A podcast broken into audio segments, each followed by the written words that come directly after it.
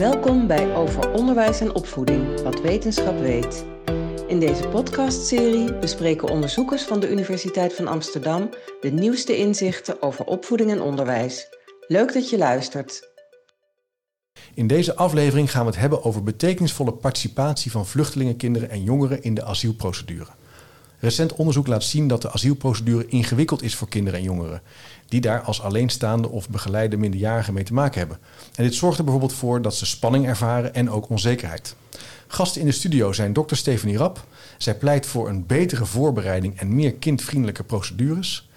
Welkom, leuk dat je er bent. Dankjewel. En hierover ga ik het hebben met mijn andere gasten. Ramona Staal, schoolleider in het voortgezet onderwijs in Arnhem. Hallo. Hartelijk welkom. Eindverantwoordelijk voor een VMBO en een internationale schakelklas en een Oekraïne-school. Werkt aan de ontwikkeling van de school als community, als gemeenschap voor leerlingen, ouders, wijk en stad. En aan de overzijde Abdi, Abdi Rahman Gieren. Jij bent tweedejaars student social work aan de Hogeschool van Amsterdam. En je bent ook zwemleraar van beroep. En je hebt meegedaan met Friend for Friend. En je helpt nu in het kader van, van je stage bij de uitvoering van Friend for Friend in Amstelland. En voor degenen die Friend for Friend niet kennen, dat is een maatjesproject dat jonge Nederlanders en jonge nieuwkomers koppelt. Daar gaan we het denk ik wel over hebben. Ja, zeker. Wat je precies doet. Ik denk dat het ontzettend leuk is om hier het over en belangrijk is om het hierover te hebben. Ja. Ehm, ja, Stephanie, ik vroeg jou uh, in de voorbereiding, kunnen we het eens even hebben over ja, om hoeveel jongeren en hoeveel kinderen hebben we het eigenlijk? En dat blijkt nogal een ingewikkelde vraag te zijn, maar uh, ja, ik heb toch wat wil ik graag cijfers, even eh, voorleggen. Ik heb wat cijfers opgezocht inderdaad voor jullie. Nou ja, in, in 2011 uh, waren er bijna 6000 uh, minderjarige kinderen die een eerste asielverzoek hebben ingediend in Nederland. Uh, waarvan iets meer dan 2000 kinderen en jongeren alleenstaand hier naar Nederland kwamen. dus sommige van hen waren ook samen met hun ouders. Hm. in totaal is de groep kinderen in um, ja, de asielsetting veel groter. dus er zijn ruim 11.000 kinderen die in de asielopvang uh, verblijven. Uh, omdat natuurlijk hele jonge kinderen hoeven zelf nog geen asiel aan te vragen. Ja. Ja.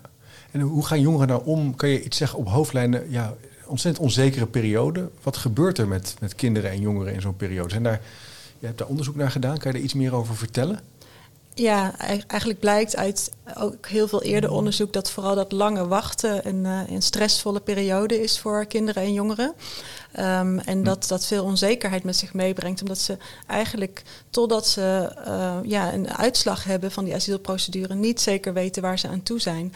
Um, en dat ze daarbij ook nog natuurlijk ja, aan de autoriteiten, aan de IND in dit geval, moeten vertellen over hun, uh, hun vluchtverhaal.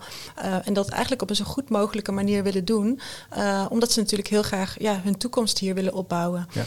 en ook met een reden natuurlijk naar Nederland zijn gekomen.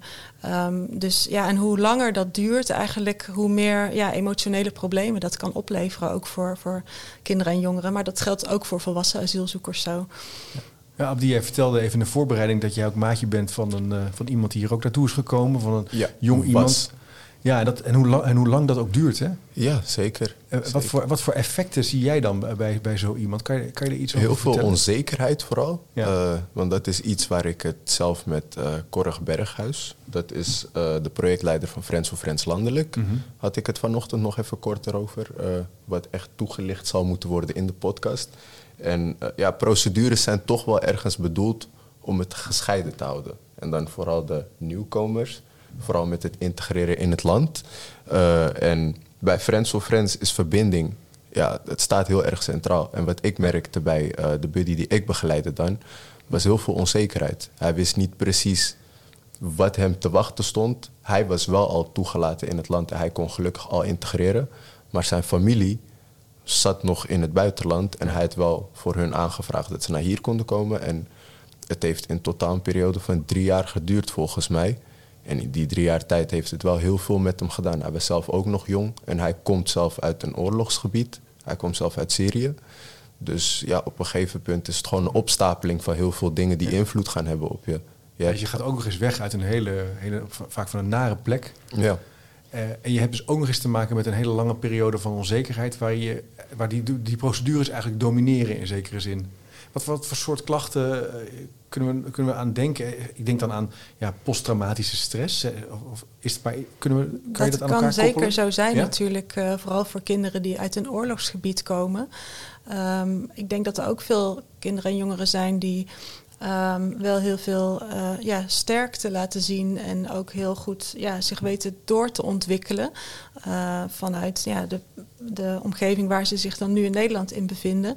Ehm, maar er zijn natuurlijk ook veel uh, ja, jongeren die wel ook bepaalde uh, ja, emotionele problemen ontwikkelen door die onzekerheid, uh, angst, uh, misschien moedeloosheid, geen zin meer hebben om ja, te investeren in je, ja. in je leven en je toekomst als je niet zeker weet ja, of je hier mag blijven. Um, maar aan de andere kant heb ik in mijn onderzoek ook wel gezien dat ja, er jongeren zijn die ja, heel duidelijk doel voor ogen hebben en daar ook heel graag aan willen werken. En ja, het wordt ook wel een beetje verwacht natuurlijk in Nederland, want ze leren ook meteen de taal, je moet naar school, um, ja, er wordt een bepaald dagritme van je verwacht. Dus dat is ook iets uh, wat misschien een beetje tegenstrijdig is ook af en toe, vooral ja. als je nog in die asielprocedure zit. Ja. Um, en ook het zelfstandig wonen voor de alleenstaande minderjarigen, die worden toch best wel, uh, ja, wordt veel zelfstandigheid van hen verwacht in uh, ja, zorgen voor hun eigen eten, um, naar school reizen. Ja, ja in, in een vervoer, bepaalde leefomgeving. komt. Ja, inderdaad. Dus ja, Ramona, dat, Ramona, zie je ja meeknikken. Hoe, hoe, wat maak jij zo mee in, in, in, jouw school, een netwerk van scholen om het zo te zeggen? Nou ja, in de, de jongeren die 16 plus zijn en alleenstaand zijn, daarvan zien we dat het, uh, als zij dus um, in een AZC nog wonen en nog niet weten of ze een verblijfsvergunning krijgen, dat die veel moeite hebben om met een dagritme opbouwen, met komen op school, met, met een perspectief voor zichzelf voor ogen hebben en vasthouden. Ook omdat ze vaak, dat het niet hun eerste AZC is waar ze zitten. Ze hebben er al drie of vier gehad. Um, ik heb nu een leerling op het VMBO. Dit is haar vijfde asiel uh, AZC waar ze woont. Ze hebben nog steeds geen uitslag na 2,5 jaar over de status. En zij is iemand waarvan, wat jij net uh, aangeeft, ik ga ervoor, ik weet wat ik wil. Hmm. Dus zij probeert het beste van haar school te maken. Maar je begrijpt ook, als ze al op vijf plekken gewoond heeft, dat onderwijs ook iedere keer een achterstand krijgt. Want ja, je moet daar weer leren wat de mores is. En uh, godzijdank ja, zit ze nu bij ons, maar ze weet ook niet voor hoe lang. Dus vooral de jongeren in een tijdelijke opvang uh, zonder status, daar maken wij ons het meeste zorgen over, omdat we die het minst, ja, krijgen we het minst grip op. Als ze dus alleenstaand zijn. En we hebben ook een paar jongens, die zijn nu 14 en die wonen in pleeggezinnen. Ja, maar daar hebben we ook nog niet zoveel fiducie in. Want ook die jongens hebben geen idee wat hun te wachten staat. En of ze wel of niet uh, kunnen blijven. En of vader en moeder mogen komen. Schets je eigenlijk al een aantal belangrijke uitdagingen. Wat, wat, zijn nou de dingen die, die misgaan wat jou betreft? Als onderzoeker, wat zie jij nou waarvan je zegt... ja, dat zouden we eigenlijk toch wel met elkaar beter, beter voor elkaar mogen krijgen als land? Ja, ik heb specifiek gekeken natuurlijk naar hoe de asielprocedure in elkaar ja. zit... en hoe uh, kinderen en jongeren daarin uh, behandeld worden. Uh, ja, een voor de hand liggend punt is natuurlijk die, die lange wachtperiode. met betrekking tot gezinshereniging bijvoorbeeld... Um, ja, want ik denk dat veel mensen zich niet kunnen voorstellen dat je als 14, 15-jarige jaren zonder je ouders en je broers en zusjes leeft. Uh, en dat is dan wel de realiteit voor die kinderen. Um, wat betreft uh, de procedure zelf, um, ben ik eigenlijk op basis van het onderzoek tot de conclusie gekomen dat kinderen en jongeren eigenlijk wel uh, ja, een betere voorbereiding nodig hebben. Uh, om een, wat van die onzekerheid van de procedure zelf eigenlijk weg te kunnen nemen. Van ja, wat, wat, wat wordt er van mij verwacht? Uh, wat voor vragen kan ik verwachten? Um, hoe kan ik mijn verhaal het beste vertellen? Um, en ja, wat zijn de, de tijdslimieten bijvoorbeeld voor een beslissing? Uh, dat maakt het dan denk ik wel iets makkelijker voor hen om ook um, ja, te begrijpen hoe die Nederlandse procedure in elkaar zit en wat de verschillende uitkomsten ook kunnen zijn. Ja. Dus de voorbereiding is denk ik ook heel belangrijk voor hen. Ja, en, maar hoe zou, je, hoe zou je jongeren daarin kunnen informeren? Een soort, ja, ja, er zijn verschillende partijen ja. die daar wel mee bezighouden al. Ah, okay. Alleenstaande minderjarige kinderen die hebben een uh, voogd van, uh, van NIDOS. Uh, die hen ook bijstaat in de procedure en helpt. Um, het is natuurlijk wel zo met ja, de grotere instroom uh, dat die voogden ook steeds meer jongeren krijgen om te helpen um, en um, ja, bij te staan. Dus dat maakt het ook dat zij steeds minder tijd hebben per jongere. Uh, en ze krijgen ook een advocaat. dus die kan hen ook helpen. maar ik denk wel dat die begeleiding en die hulp toch wel meer uh, uitgebreid zou kunnen zijn en in, meer individueel gericht ook. Ja. En dat advocaten ook, ja, die zijn niet per se gespecialiseerd in het bijstaan van kinderen of jongeren. Uh, dat zijn ja, die uh, advocaten die allerlei asielzaken doen. Uh, dus zij zouden ook ja, zich wat meer bewust kunnen zijn van ja, het, begripsniveau van jongeren. Um, ja, dat je dingen vaker moet uitleggen misschien. Ja, dus de professional um, zelf, dat hij ook goed weet hoe hij zich moet opstellen. Ja. En dit, dit gaat natuurlijk, voogdadvocaat gaat over de, zeg maar, de procedures en de kanten. Ja. Dus uh, en Abdi, jij houdt ook wel een pleidooi ook voor die andere kant, hè, zou je kunnen zeggen. Van die begeleiding en die nabijheid, zonder dat je... Ja, zeker. En, en wat, zou, wat, wat zie je daar uh, nog te vaak misgaan? Of waarvan zeg je, dat zijn voor mij belangrijke punten? Mm, wat ik uh, ja, heel vaak mis zie gaan, dat zijn ja, best wel losstaande aspecten van elkaar. Het zijn die dingen die vaak invloed op elkaar hebben, maar het mm -hmm. heeft echt met de individu zelf te maken. Af en toe wil je iemand begeleiden, maar ja, mentale gesteldheid, daar heb je niet echt heel veel grip op. En je emoties, idem, het is hetzelfde in principe. Ja, ja. En af en toe merk je dat iemand wel hele mooie stappen vooruit maakt en dat het net allemaal mee zit. En dan krijgen ze dan toch weer een melding of iets en dat dat dan tegen zit. Dus het zijn heel veel dingen ja, waar je zelf geen invloed op hebt, die wel uh, ja, van invloed zijn op hun leven of op de manier hoe zij zich op dat moment voelen. Ja. Uh, maar bij Friends for Friends zelf uh, ja, gaat het in principe wel goed met de leerlingen. Ze weten ook wat ze hebben aan het maatjesproject. Dus vanaf het begin al leggen we al heel goed uit uh, dat dit niet uh, een instantie is of iets. Het nee. is gewoon een project wat opgezet is uh, in principe om bij te dragen aan ja, de integratie van deze jongeren ook. Vooral en ze te stimuleren om uh, met een doelgroep in aanraking te komen waar ze voorheen eigenlijk nooit mee in aanraking zouden komen. Dus vandaar dat het ook heel goed is bijvoorbeeld dat het uh, de lokale ISK waar wij, uh, waar wij mee werken, zit ze ook bijvoorbeeld op de afdeling VMBO. Mm -hmm. Dus op school hebben ze ook al in principe een paar contacten met ja, jonge Nederlanders waar ze gewoon gesprekken mee kunnen voeren. Ja. En bij ons worden ze echt gekoppeld daadwerkelijk, waardoor jij gewoon één vaste persoon hebt bij wie je altijd terecht zal kunnen. Ja. Ja. En dat heeft echt een hele mooie uh, ja, kant wat het belicht van hunzelf ook. Want dan kan jij wat leren van de ander. En andersom kan een jonge Nederlander ook iets meekrijgen van een andere cultuur bijvoorbeeld. Mm -hmm. Dat is mooi, want uh, jij, jij, werkt bij ISK, geeft leiding eraan. Wat, wat zijn dan kernuitgangspunten waar jullie op sturen, waar je, waar, waar, waar je op let om die verbindingen ja, goed te houden? Nou, in eerste instantie op de ISK dat de jongeren leren... Uh, nou, dat je hier veilig bent. Want ze hebben ook nog wel het idee door de procedures uh, met ondervragingen dat, het, dat ze eigenlijk niks kunnen zeggen. Dat het gevaarlijk is om dingen te zeggen. Oh ja? Ja, ook als ze niet regulier hier in Nederland zijn gekomen. Dat ze bang zijn dat het hun aangerekend wordt. Dat ze niet op de, ja, op een, dat ze door een mensenhandelaar mee zijn ge, gelift hier. Dus daar zit angst. Dus dat proberen we in eerste, veilige landing. Dat is onze allereerste uh, doel. Ja, en even misschien een oenige vraag, maar wat doe je dan? Hoe, doe, hoe doe je dat? Het, het gesprek. De men, ja. We hebben mentoren, we hebben maximaal 16 leerlingen in een klas. En de mentoren zijn er twee op een klas, we hebben gesprekken. Wij hebben ook een ISK expertisecentrum. Die zetten we in om, uh, ja, om te leren over de verschillende culturen en uh, waar angst of schaamte zit of uh, niet mogen praten over dingen. Mm -hmm. Dat proberen we ook goed in te zetten. maar wat we heel erg waar we het meest op inzetten is de ongedwongen ontmoeting met onze VMBO-leerlingen. Daarvoor hebben we een heel rijk naschools aanbod, drie dagen in de week, met dans en sport. Uh, en daar komt binnenkort koken bij. Maar we hebben nu al meer dan 150 leerlingen die deelnemen aan de naschoolse aanbod, ISK en VMBO. En daar zijn, uh, al is een hele professionele dansgroep ontstaan met ISK-leerlingen en VMBO-leerlingen die nu optredens geven en zo. Dus uh, ja, ze ontmoeten elkaar en ze bouwen ook samen wat op. We hebben ook gezien dat sport en naschoolse dingen dat verbindt. En onderwijs zelf is lastig, omdat de taal dan de belemmerende factor is. En die wil je weg hebben. En dan hebben we als netwerk uh, het naschoolse aanbod.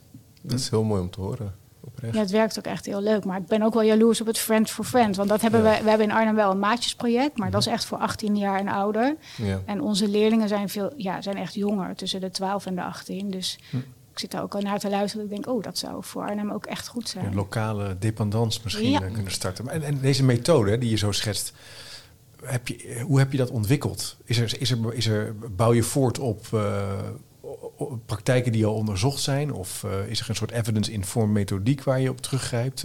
Ja, ik heb een tijd lang met de Gelijke, kan Gelijke Kansen opgetrokken. Oh en heb, we zijn ook op onderzoek uitgegaan naar Zweden, naar de Frieshuzet.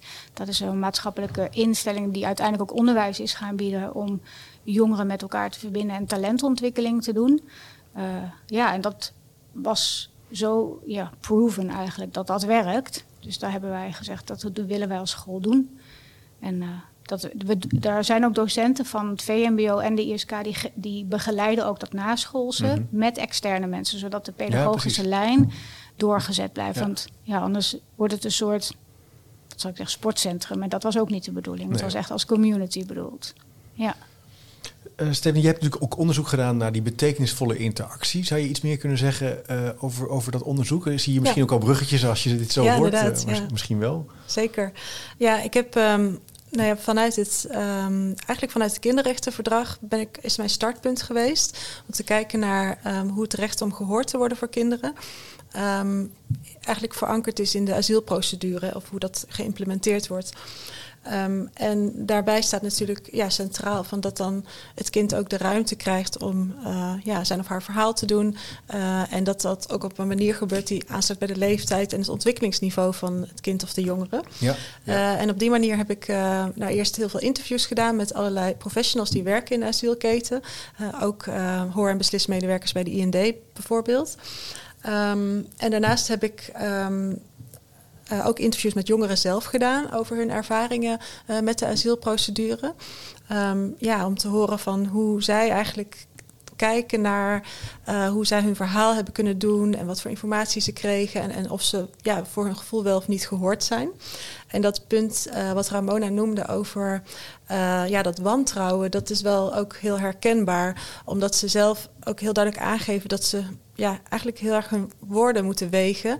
Om ja, het gevoel te hebben dat ze eigenlijk um, vertellen wat uh, verwacht wordt van hen uh, dat ze vertellen. Um, en dat ja, hangt heel erg samen met dat punt eigenlijk van de asielprocedure. Dat vooral zit op nou ja, het ontdekken van de waarheid van het verhaal en, en geloofwaardigheid. Uh, van nou ja, is klopt dit wat jij vertelt? Is dat geloofwaardig of niet?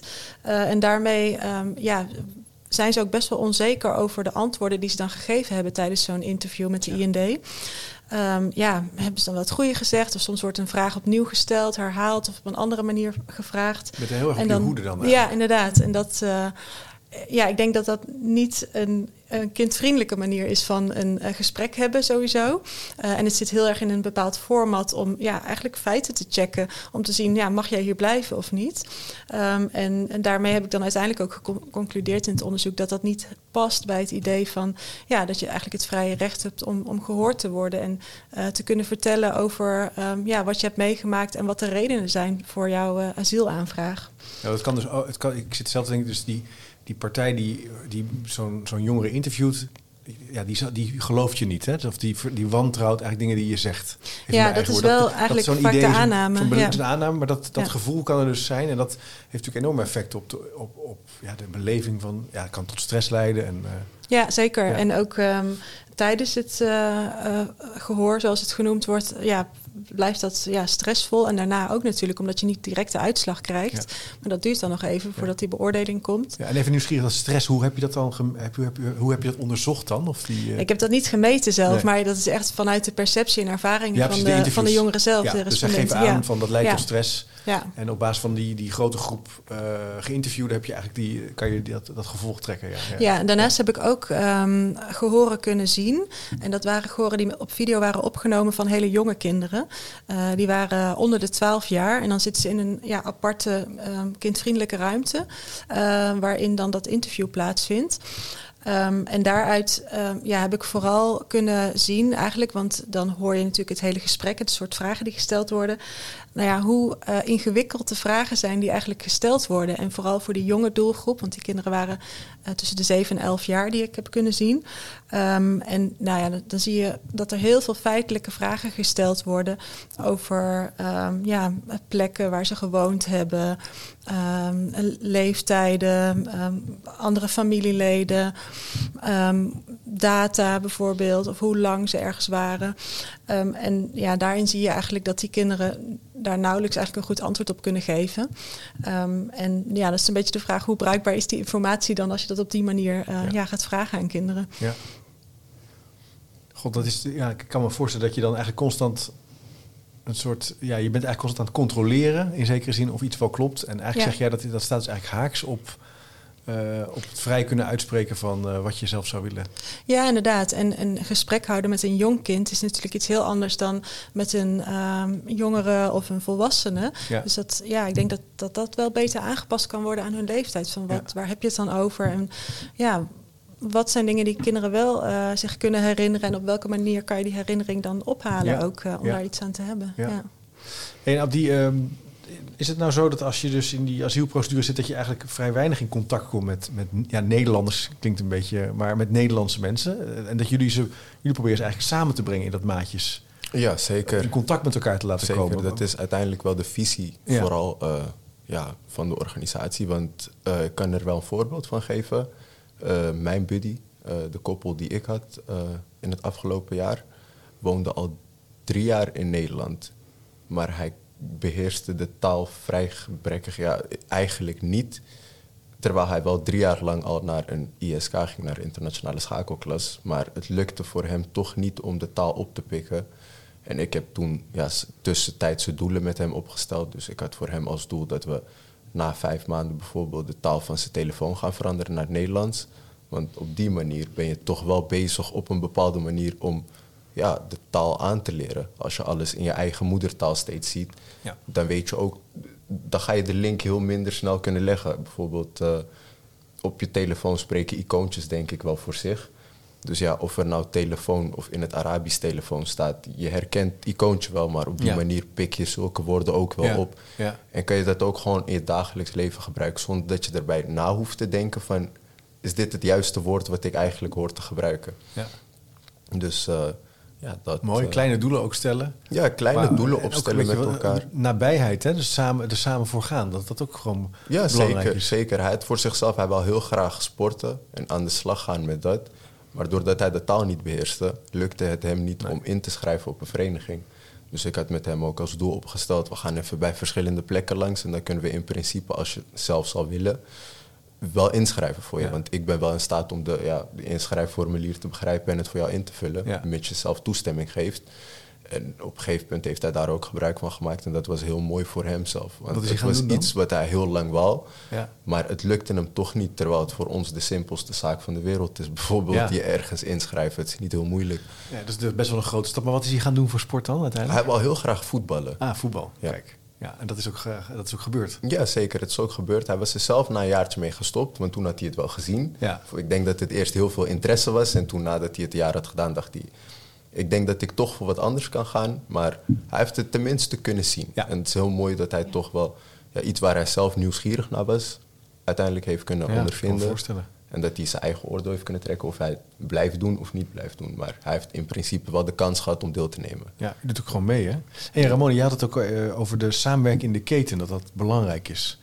Ehm, dat, dat, dat, hoor je ook natuurlijk eh, vandaag de dag vaak. We moeten samenwerken in de keten. Ik denk altijd, ja, wat, wat bedoelen we daar nou mee? Wat, wat, wat, wat, hoe zien die ketens dan eruit? Wat moet je dan Ja, goed doen? Wat wij hebben ontdekt is dat de ketens niet moeten stoppen als ze van 9 tot 5 werken en daarna stoppen. Dat helpt voor geen meter. Dus we hebben een maatschappelijke instelling in Arnhem, dat heet Preskaaf University.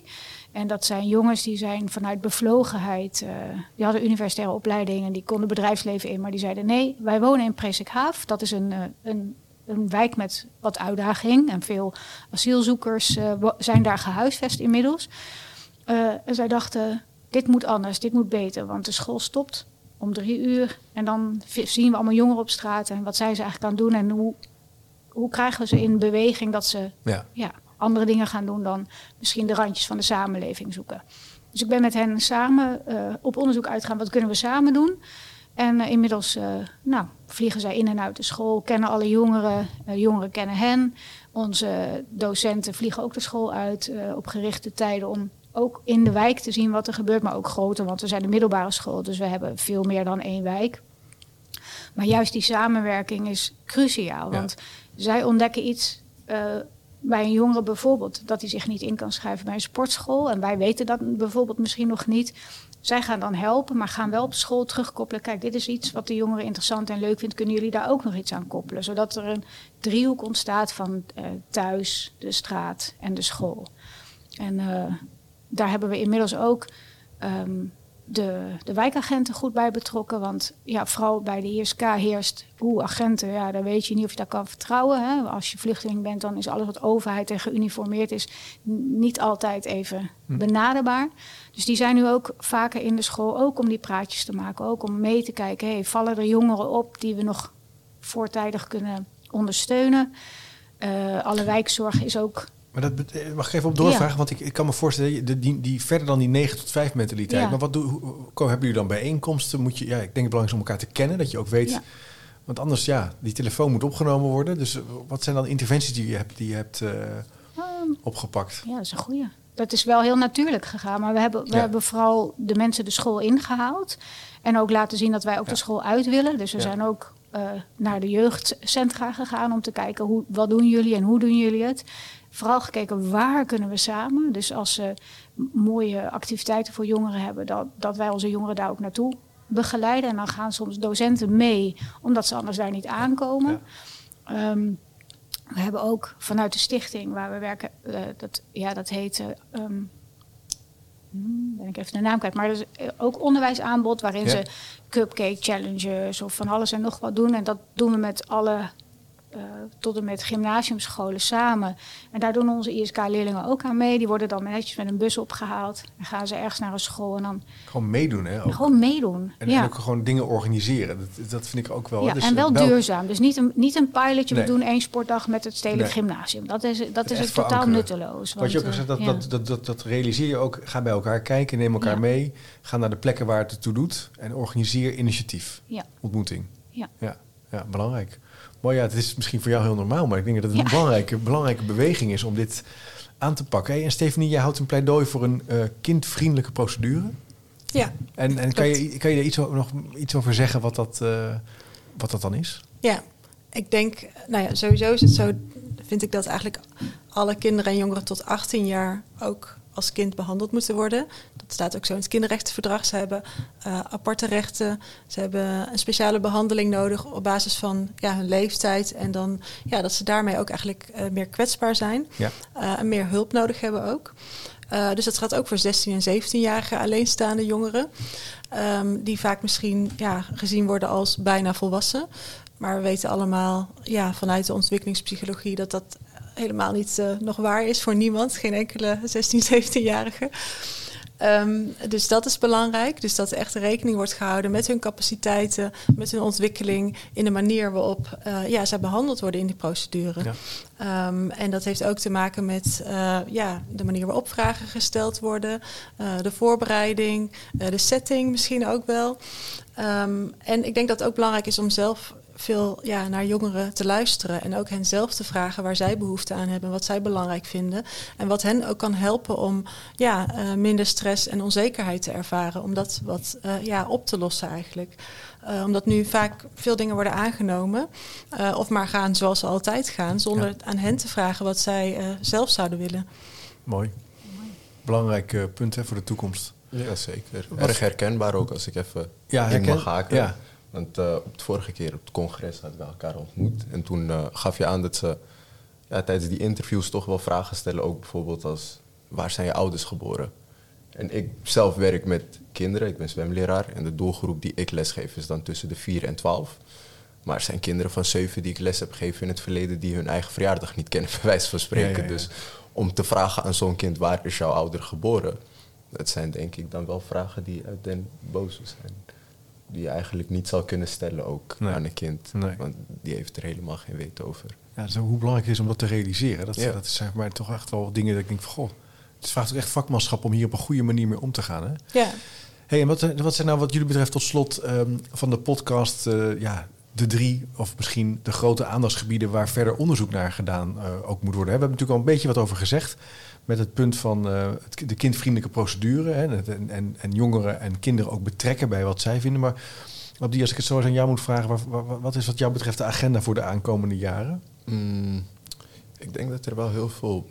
Ja, het is heel moeilijk om te zeggen. Want je kan mensen in een onzekere situatie heel moeilijk duidelijkheid geven. Maar ik denk dat dat iets is waar wel heel veel winsten op gemaakt zouden kunnen worden. Of dat ze vooral uh, die jongeren zouden betrekken in het proces. En dat ze wel meekrijgen wat voor stappen er misschien ook gezet worden. Want ja, kinderen worden toch wel vaak weggezet als...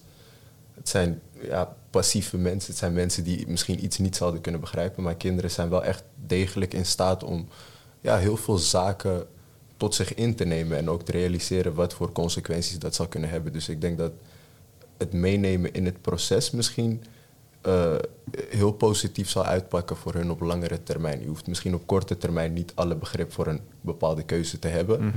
Maar als je de redenatie ook begrijpt die erachter zit, zal jij misschien toch wel sneller vrede ermee kunnen hebben. Want voor hun is het denk ik nu in principe, ja, of je wordt goedgekeurd of het wordt afgekeurd en dan is het doorzoeken naar de volgende stap heel snel. Uh, maar ik denk dat er op die manier misschien ook net meer iets begrip in hun eigen hoofd zal zijn en dat het tot meer rust zal kunnen leiden uiteindelijk. Dankjewel. Ja, daar sluit ik me helemaal bij aan. ja. Ik weet niet of ik nog een ander punt mag noemen. Zeker. Nee, ook aansluitend denk ik op het, moment. Uh, maatjesproject van Friends for Friends. Denk ik dat het ook heel belangrijk is om aandacht te hebben voor jongeren die 18 worden. Uh, en die niet meer als uh, minderjarigen eigenlijk behandeld worden. Ja. En dan in één keer verwacht worden echt helemaal op eigen benen te staan. Um, en ja, Friends for Friends laat ook zien hoe belangrijk het is om een netwerk te hebben ja, voor latere kansen ook in de samenleving. Um, ja, dus ik denk voor die doelgroep is het ook heel belangrijk om, om meer aandacht te hebben. Mooi. Ramona, nog een uh, slotwoord? Maar ik sluit me hier echt helemaal bij aan, want ik zat net te denken aan de jongeren die met 17 hier ons land binnenkomen en hopelijk nog voor hun 18 een uitslag te krijgen. Dus de snelheid mag omhoog. Snelheid omhoog. Ja, of onderzoek hoe dat moet. Maar dat onderzoek moet dan niet vier jaar duren, jongens. Want nee. dat hebben we niks aan. Ja. En inderdaad, wat doen we met de 18-jarigen die op 17-jarigen binnen zijn gekomen? Want uh, dat is ook nog een uitdaging. Ja. Dus wat dat betreft is het ook een podcast die we maken die ook aanleiding biedt voor, voor een vervolg. Hè. Dat is een heel actueel en wezenlijk thema. Helemaal als je het nieuws zo volgt hè, de afgelopen weken. Um, dank jullie wel. Zeer interessant om hierover met jullie van gedachten te wisselen. Yes. Uh, Abdi, Stefanie, Ramona, bedankt. Zou ik uh, nog één punt kunnen belichten voordat ja, we dat mag zeker. Ja, natuurlijk. Ja, want uh, ik wil ook nog een call to action doen voor de studenten van de UvA... Ja? die mee zouden luisteren aan de podcast. En dat zij in het kader van ja, misschien een stage of een schoolopdracht in de toekomst... zeker bij Friends for Friends aan zouden kunnen sluiten. Dat kan via de website ja, www.friendsforfriends.nl. Hartstikke goed. Yes. Dankjewel, heel goed. En uh, belangrijk om te doen. Dus uh, laat je horen, kom in beweging. En dit was dus de podcast over onderwijs en opvoeding. En deze podcast ging over jongeren en kinderen in de asielprocedure in Nederland. Nou, blijf de podcastserie volgen. Er volgen nog meer afleveringen. En uh, je kan je ook altijd abonneren op de podcast. En dan mis je geen enkele aflevering. Ik zou zeggen, bedankt voor het luisteren en tot de volgende keer. Wil je meer weten over het onderzoek naar opvoeding en onderwijs van de Universiteit van Amsterdam? Kijk dan op de website cde.uva.nl